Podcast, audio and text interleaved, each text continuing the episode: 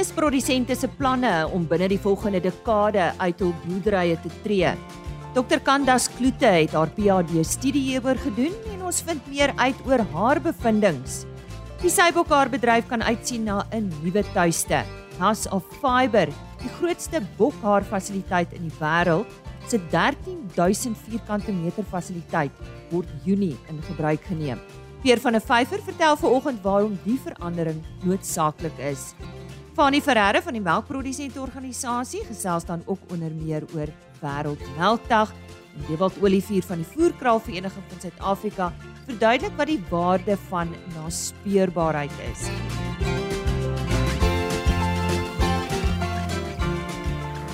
Goeiemôre van my Lise Roberts. Dis wat jy te wagte kan wees op RSC Landbou vir oggend.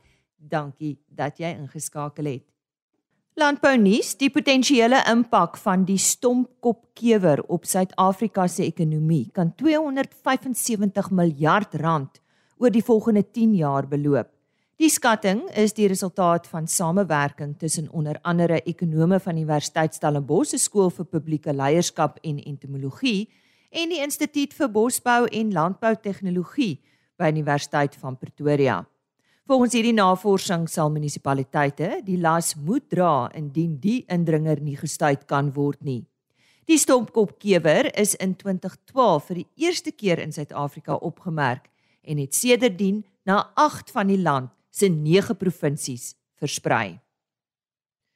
In die ikoniese Stellenbosse wynlandgoed en leefstylbestemming Blouklippen en die toonaangewende familiemaatskappy van Loferin van die Robertson Vallei het aangekondig dat hulle 'n strategiese vennootskap sal aangaan wat daarop gemik is om hul premium aanbiedings aan die plaaslike mark 'n verdere hupstoot te gee, maar spesifiek om van hul fynproevers handelsmerke 'n veel stewiger vasdrapplek op die wêreldmark te gee. Die vennote sê voortspruitend uit die samewerkingsooreenkoms sal hulle hul wingerde uitbrei, produksievermoëns aansienlik verhoog en nuwe wyne as deel van hul premium portefeuilles bekendstel. Die omvang van samewerking sal gedoen word met die hulp van kundige adviseurs om te voldoen aan relevante regulatoriese vereistes. En dis dan vir eers die nuus. Ons het gisteroggend beloof dat ons vandag van Fani Ferreira sal hoor.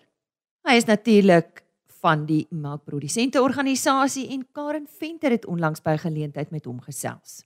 Goeiemôre luisteraars. Ons gaan vandag 'n bietjie oor melk praat of so 'n bietjie minder oor melk en meer oor die melkprodusente organisasie oftewel die MPO. Ek wil net terloops vir julle sê Wêreldmelkdag word op die 1 Junie vanjaar gevier en meer as 70 lande neem deel aan Wêreldmelkdag vieringe. En dit word gewoonlik as 'n hoogtepunt van die jaar op die MPO se kalender gemerk. Maar ook net so op die drempel van Wêreldmelkdag het die NPO 'n rukkie terug hier by Selfbel gekuier. Dit was deel van hulle roadshow gewees om 'n bietjie met die produsente in hierdie omgewing tussen Port Elfred en Alexandria te gesels, as ook verder aan Kookhuis, Kruidhoek en Tsitsikamma. Ek het ook kans gekry om 'n bietjie met hulle waarnemende uitvoerende hoof, Fani Ferreira te gesels om uit te vind hoe dit met die organisasie en die melkprodusente gaan. Eerstens wou ek by hom weet wat die primêre doel van die MPO is. Goeiemiddag Karen. Dit was lekker om ook vir Plaas Media en jouself op Selfwell te sien tydens ons paar dae wat ons in die in die Oos-Kaap was. Ja, jou jou eerste vraag uh rakende die die primêre doel van die MPO. Ehm uh, kan ek die volgende vir jou sê, die vernaamste doel van die MPO is om op te tree as 'n spreekbuis vir die melkboer en ook vir die primêre suiwelindustrie. Ehm um, ons poog om 'n volledige diens vir ons melkboer te lewer deur hom op 'n gereelde basis van finansiële inligting te voorsien om ten opsigte van ons plaaslike en ons internasionale marktoestande en om ook hom daardeur in 'n posisie te kan stel om beter finansiële besluite ook in sy eie besigheid te kan neem.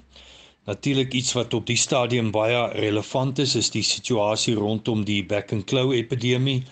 En ons as MPO is op die stadium betrokke in alle fasette daarvan en is dit ook vir ons belangrik om dan nou volledig en en tydig ook ons ons boere rakende die siekte in te lig. Uh, ons is natuurlik saam met die rooi vleisindustrie betrokke by baie gesprekke, uh, saam met die minister ook en kan ons ook op 'n gereelde basis dan nou hierdie inligting wat ons bymekaar kry ook deur kan gee aan ons boere. Uh, ons hanteer natuurlik ook op 'n daaglikse basis enige navraag van ons boere rakend enigiets in die bedryf waarby ons ook betrokke is en waarby ons hulle kan bystaan. Kom ons hoor by Fanie waarom dit so belangrik is om 'n lid te wees van hulle organisasie. Karen Ria, die die doel van die roadshow in die Oos-Kaap of die paar dae wat ons daar spandeer, is natuurlik maar grootendeels om ook vir ons in staat te stel om ook weer te kan kontak maak met ons boere op die grond, tyd saam met hulle te kan spandeer en dan moet ons natuurlik ook na hulle luister en hoor wat het hulle op die hart as daar enige iets is waarmee ons kan help, dan moet ons kan betrokke wees daarbey en vir hulle kan help met antwoorde rondom dit. Dit is ook vir ons maar baie belangrik om op 'n gereelde basis by ons boere uit te kom en mekaar fisies te kan sien en tyd te kan saam saam spandeer. Karen, ja, dit is vir ons baie belangrik dat elke melkboer op die grond moet deel wees en lid wees van die MPO. Ehm um, dit is op die stadium nie so nie. Almal is nie lid van die MPO nie, maar 'n groot hoeveelheid van die melkbore daar buite is lid van die MPO en natuurlik is dit vir hulle ook belangrik om 'n spreekbuis te kan hê en as daar enige probleme is, raak in die industrie dan moet ons daar wees om te kan instaan daarvoor en te kan help daarmee. Ons het ook sê dit ook onomwonde deesdae dat die boere dit verstaan laat die MPO in die toekoms kan net suksesvol wees as soveel as moontlik boere kan deelneem aan die aksies wat die MPO loods en dat indien daar enige probleme in die, in die toekoms met die MPO is dit dit net soveel die lid op die grond se probleem gaan wees as wat dit die bestuur in die kantoor in Pretoria gaan wees en laat ons in die toekoms 'n MPO gaan wees van ons almal en nie net van bestuur en personeel in Pretoria en lede op die grond nie maar dat dit 'n gesamentlike poging kan wees en dat ons gesamentlik enige probleme vorentoe sal kan oplos. Karen as enige mense enigiets meer wil weet van die MPO, ons het 'n webwerf wat natuurlik mpo.co.za is waarby hulle kan gaan kyk en enige inligting is daar verkrygbaar. Hoe om enige iemand te kontak is daar so ons hoofbestuur in Pretoria se kontakbesonderhede is almal daar. Wat natuurlik belangrik is is die die lede in die streke is ons in vier uh, hoofstreke verteenwoordig. In die eerste plek die noordelike streek wat van die Oranje rivier af uh, op boontoe is en dan het ons 'n KwaZulu-Natal streek, 'n Oos-Kaap streek en 'n Wes-Kaap streek. Ons het vier dames wat die streke verteenwoordig. In elke streek is daar een. Hulle kontakbesonderhede en telefoonnommers en e-posadresse is daar beskikbaar. Indien jy meer sou weet daaroor, is hulle beskikbaar daar om vir julle van verdere inligting te kan bedien en uh, soos ek vroeër gesê het, as daar enige iets is is wat hoofkantoor aanbetref, dan is julle natuurlik welkom om ons ook te kontak. Baie dankie.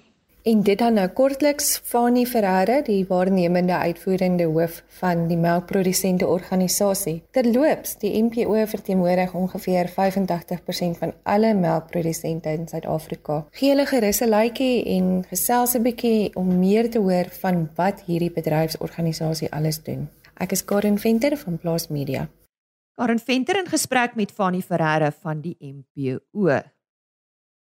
Sy het natuurlik ook die Rowasa Kongres bygewoon en meer oor die belangrikheid van naspeurbaarheid gaan uitvind. Luisteraars, ek het gou 'n kans gekry om bietjie met Dewald Olivier te gesels. Dag sien al die luisteraars, ehm um, Dewald Olivier, die uitvoerende van die Voerkraal Vereniging. Dit was 'n baie interessante uh kongres tot op hede gewees van Rowasa dit ehm um, die die interessantheid kom daarin dat die die bestaans die bestaansreg wat ons het as nie net as produsente nie maar as veeartse nydienste en die veeartse in Suid-Afrika definitief beteken dat ons uit die boks uit moet dink. Een van die van die grootste goed wat ons daarmee begin kyk is onder andere in dit waaroor ek gepraat het is na speurbaarheid. En na speurbaarheid het tot op hede eintlik 'n vloekwoord geword en ons het begin wegkyk daarvan, maar na speurbaarheid moet ons besef is net een van die pilare wat nodig is om byvoorbeeld ons uitvoere aan te help. Of natuurlik binnelands te verseker dat ons 'n volhoubare produk op die tafel kan sit van ons verbruikers. Baie keer dan misgis ons onsself met die impak wat naspeurbaarheid kan hê en ons dink dit is net groot voerkrale of groot produsente wat kan kyk na naspeurbaarheid. Maar naspeurbaarheid is eintlik op die einde van die dag baie eenvoudig en dit dis soos om seker te maak as jy in die aand by die etenstafel sit dat al jou kinders daar is. So dit is baie baie gemaklik en ek dink ons is baie besig of baie vinnig besig om baie groot spore te trap, baie langer tree te gee as wat ons in die verlede gegee het en soos met alles neem dit tyd. En ek dink ons is op die regte tyd op hierdie stadium om strukture en prosesse te implementeer om ons na speurbaarheid op 'n wêreldstandaard te bring. Uh en iets wat natuurlik gepas is vir Suid-Afrika uh, nie te kyk na wat die ander lande doen nie, maar spesifiek te fokus op dit wat werk vir die Suid-Afrikaanse produsent, vir die Suid-Afrikaanse abattoir, vir die Suid-Afrikaanse voerkraal.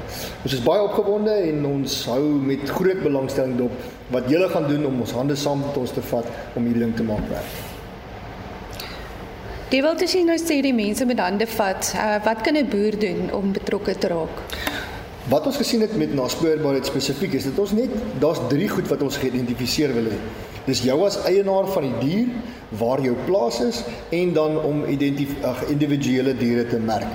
As ons dit het, het ons alles wat ons nodig het om 'n suksesvolle naspeurbaarheidstelsel te implementeer. En op hierdie stadium is dit op enige manier. Ons moet onthou dat die tatoeëermerk en die brandmerk is nog steeds 'n geldige vorm van identifikasie. So as jy dit kan begin doen, fantasties. Terloops, ons is tans besig om 'n stelsel te implementeer of 'n platform te implementeer binne in 'n uh, 'n uh, 'n uh, plaaslike gemeenskap binne in die Heidelberg omgewing.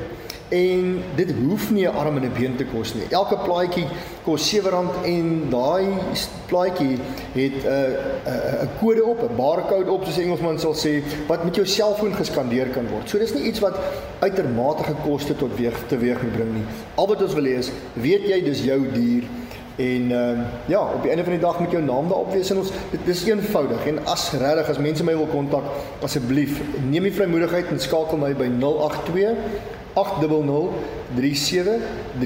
of gaan na ons webblad toe www.safeedlot.co.za en ek antwoord graag enige uh, vrae wat jy het. Ek sal sê maak asseblief gebruik van hierdie geleentheid. Baie dankie Dewald. As jy nou hier by ons aangesluit het, baie welkom. Jy's ingeskakel vir RSG Landbou. Dis net hier op RSG vanaf 5uur tot 6 van my kant af, Maandag tot Donderdag. Ons bly by Karen. Ons is almal bewus dat Suid-Afrika die leier is in die seibokhaarbedryf. Hulle tuiste is House of Fiber. En eersdaags kan ons uitsien na 'n wêreldklas fasiliteit. Kom ons hoor wat sy uitgevind het. Ek het by 'n onlangse bokhaar geleentheid 'n voeltjie gehoor fluit dat The House of Fiber beplan om binnekort na 'n splinter nuwe perseel te trek. Maar dit is nie al nie. Hierdie nuwe perseel gaan geheel en al onafhanklik wees van Eskom se kragnetwerk, asook die Nelson Mandela Bay munisipaliteit se watervoorsiening. Ek het toe 'n bietjie met The House of Fiber se algemene bestuurder Peer van der Vyver gesels om meer van hierdie voorgenome skuif uit te vind. Kom ons hoor wat het hy daarvan gesê.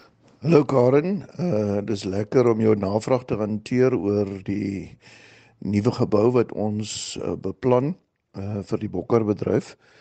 Uh dit is waar werklik nogal iets wat ons na uitsien en dis goede wat nou gaan moet gebeur. Ons moet einde Junie, ons laaste veiling is in die eerste week van Junie. En dan moet ons klaarmaak en uh begin trek en so wat ons 1 Julie die nuwe gebou kan in uh, in werking tree. Dit is lekker om te breek oor hom want ons is op werklik opreg trots. Ehm um, toe ons House of Fiber 3 jaar terug begin het, het ons in 'n splinter nuwe graad 1 gebou ingetrek en ek dink die toon gegee wat hoe ons uh glo dit uh, bokkar voorbind berei word en watter tipe van gebou jy moet hê en so aan want dit is nogal belangrik uh jy is 'n advertensie vir jou bedryf in die buiteland En in die bokkerbedryf is ons gelukkig dat ons regtig met die groot rolspelers praat soos jy wil daarom op op daai standaard ook wees wanneer jy eh, praat, maar ek dink een van die belangrikste punte wat op hierdie stadium 'n groot uh, rol speel in die uh, vernam van ons kliënte van oorsee. As ek plaas vir die kliënte dan is dit jou regtig 'n groot modehuise. My eerste besoek toe ons begin het as House of Fiber was uh, Coco Chanel en Louis Vuitton. Uh ons praat regtig vir die groot mense. Uh dis die mense wat belangstel in Bokkar. En ehm uh, jy maar dit is ook mense wat baie hoë standaarde stel en uh hulle het het ook die nodige geld om te toets of jy die standaarde slaag. Ek het nou onlangs 'n besoek gehad vir een van die groot modehuise. Hulle 2 ure in my pakhuis gespandeer. Uh hulle het dan elke dingetjie gekyk hoe jy ding doen, uh, wat jy doen, hoe dit gedoen word en uh voor hulle tevrede was. So dis mense wat kom kyk wat uh, dinge wat aangaan.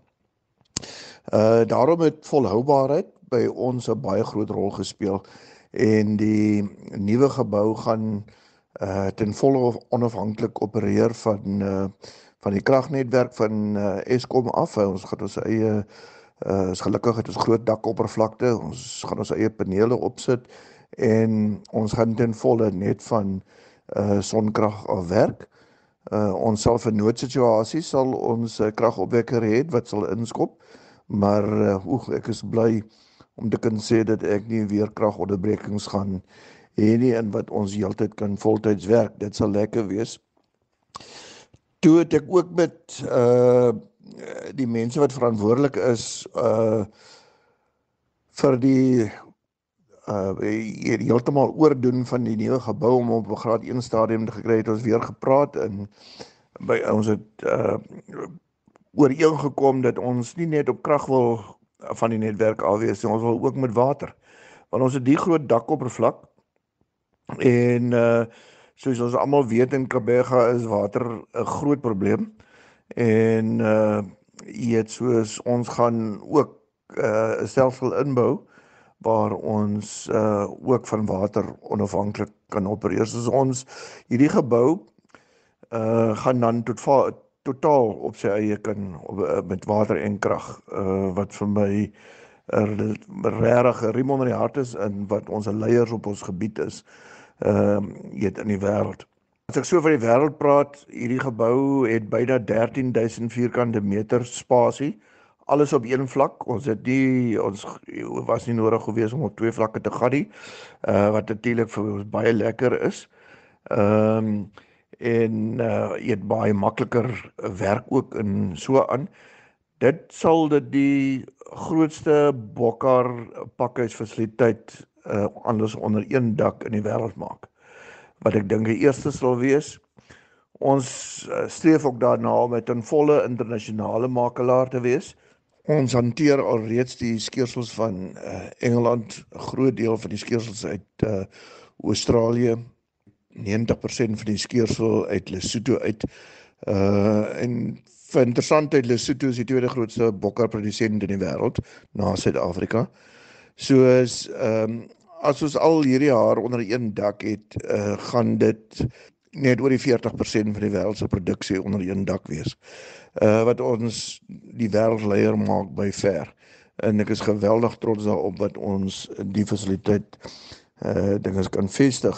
Dit speel so altyd alles mooi in ons in beleid van volhoubaarheid en waar ons werklik in die tekstielbedryf die voorbeeld is vir die res van die wêreld waar en ek praat oor spesifiek vir die bokkerbedryf wat om te doen en waar om te gaan en goed op die regte manier te doen.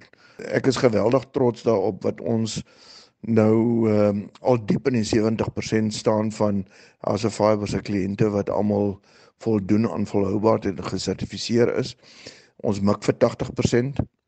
Ons is nie baie ver daarvan nie. Ek glo ons uh, sal dit binne die volgende jaar kan dalk kan bereik. En al die goede kom net baie mooi uh, te same. Die aanvraag na Bokker is ook nog baie goed soos hopelik in hierdie positiewe prentjie ook ons uh boere inspireer en uh, nog beter bokkar te laat uh, produseer want ons is werklik uh die beste in die wêreld. Karen ek probeer altyd 'n um, bietjie wegbly van hierdie ene af, maar die totale kostes van uh, hierdie herbou van die uh fasiliteit sal seker so tussen 30 en 40 miljoen wees en ek glo dit sal werklik bydra tot almal in die bedryf. As enige een van die luisteraars of bokkerboere of iemand belangstellend is wat wil graag meer weet oor House of Fiber of oor die bokkerbedryf, kan hulle my gerus skakel op my persoonlike telefoon is 066 056 8125. Ek herhaal net 066 056 8125 of uh, kyk op uh, House of Fiber se webtuiste daar sal julle skakelbesonderhede kry van al ons verteenwoordigers en ek dink ook hier vernaamlik nuwe toetreders wat belangstel in die bokkerbedryf. Ek het 'n man wat een van my bestuurders, Pietri Maree wat in volle ingelig is en wat beskikbaar is om mense te help en uh, dan ook as hulle wil toetree tot hierdie bedryf en um, dan ook natuurlik die ander uh, verteenwoordigers. Ons is ook verteenwoordiger op Facebook en Twitter. Dus u kan onder House of Fiber op Facebook ook uh kyk indien u wil skakel. Dit was dan 'n vriendelike uitnodiging vanaf Peer van 'n Vyfer, die hoofbestuurder van The House of Fiber.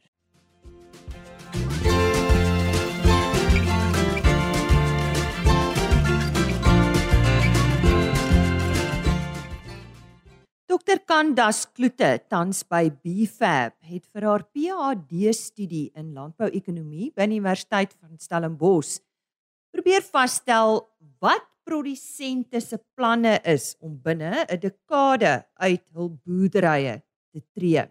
Kandas sê eers vir my, hoe is hierdie navorsing uitgevoer? Ons het omtrent 1340 produsente gekontak en daarvan ons uiteindelik 600 oor die 600 ehm um, vraelyste terugontvang het waarvan 450 uiteindelik deur plaaseienaars volledig ingevul is. En dit het die basis gevorm van hierdie studie om te verstaan wat die plaasvlakbesluite is om uit die boerdery te tree in kommersiële landbou in Suid-Afrika. So wie is die produsente wat na alle waarskynlikheid binne die volgende dekade uit die boerdery sal tree? Ons het gevind dat die groepering produsente wat uit die landbou gaan tree waarskynlik ehm um, in die kategorie 30 tot 45 en ouer as 65 is. Dit beteken dat faktore soos aftrede sonder ehm uh, die opvolging, finansiële uitdagings, uitdagings rondom eh uh, landelike veiligheid as ook faktore soos ehm um, onsekerheid rondom landboubeleid 'n faktor gespeel het.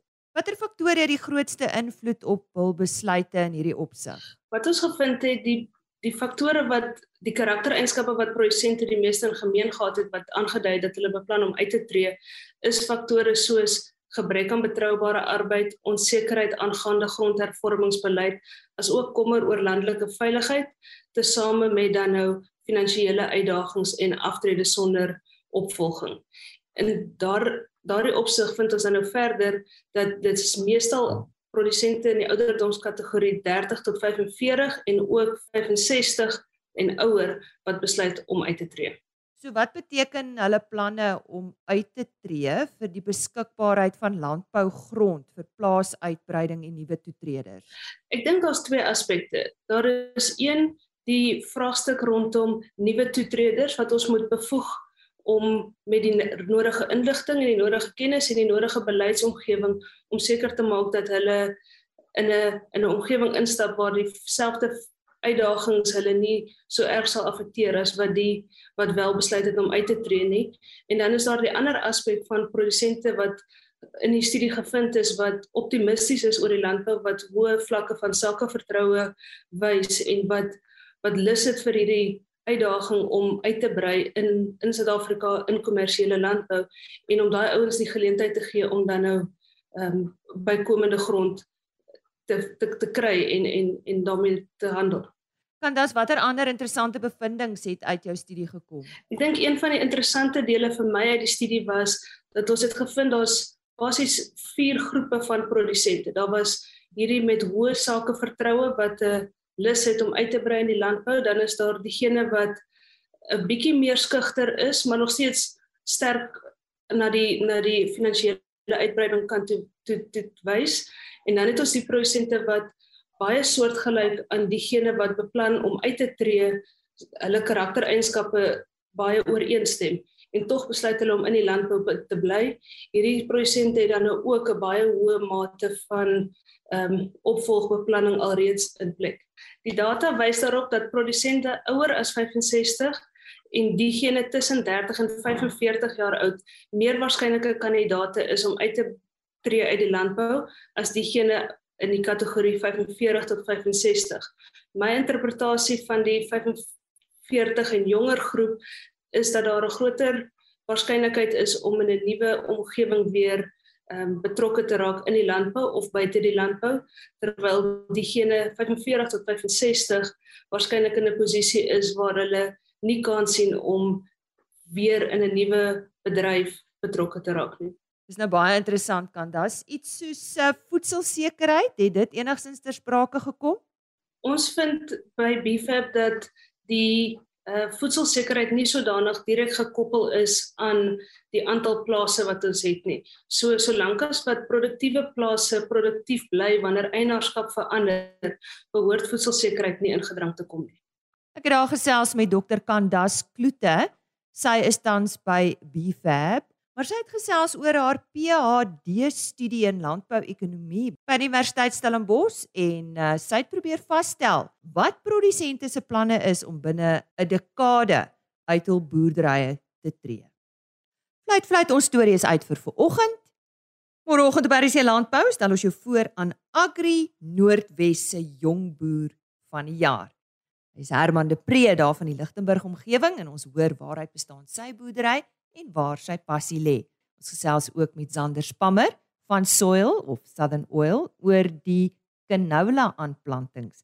Maar dis nie al nie, so kuier gerus môreoggend weer saam met ons, selfde tyd om 5uur saam met my Lise Roberts. En ek sluit af met 'n e-posadres: rsglandbou@plaasmedia.co.za. Tot môre, totsiens. RSG Landbou is 'n plaas media produksie met regisseur en aanbieder Lize Roberts en tegniese ondersteuning deur Jolande Root.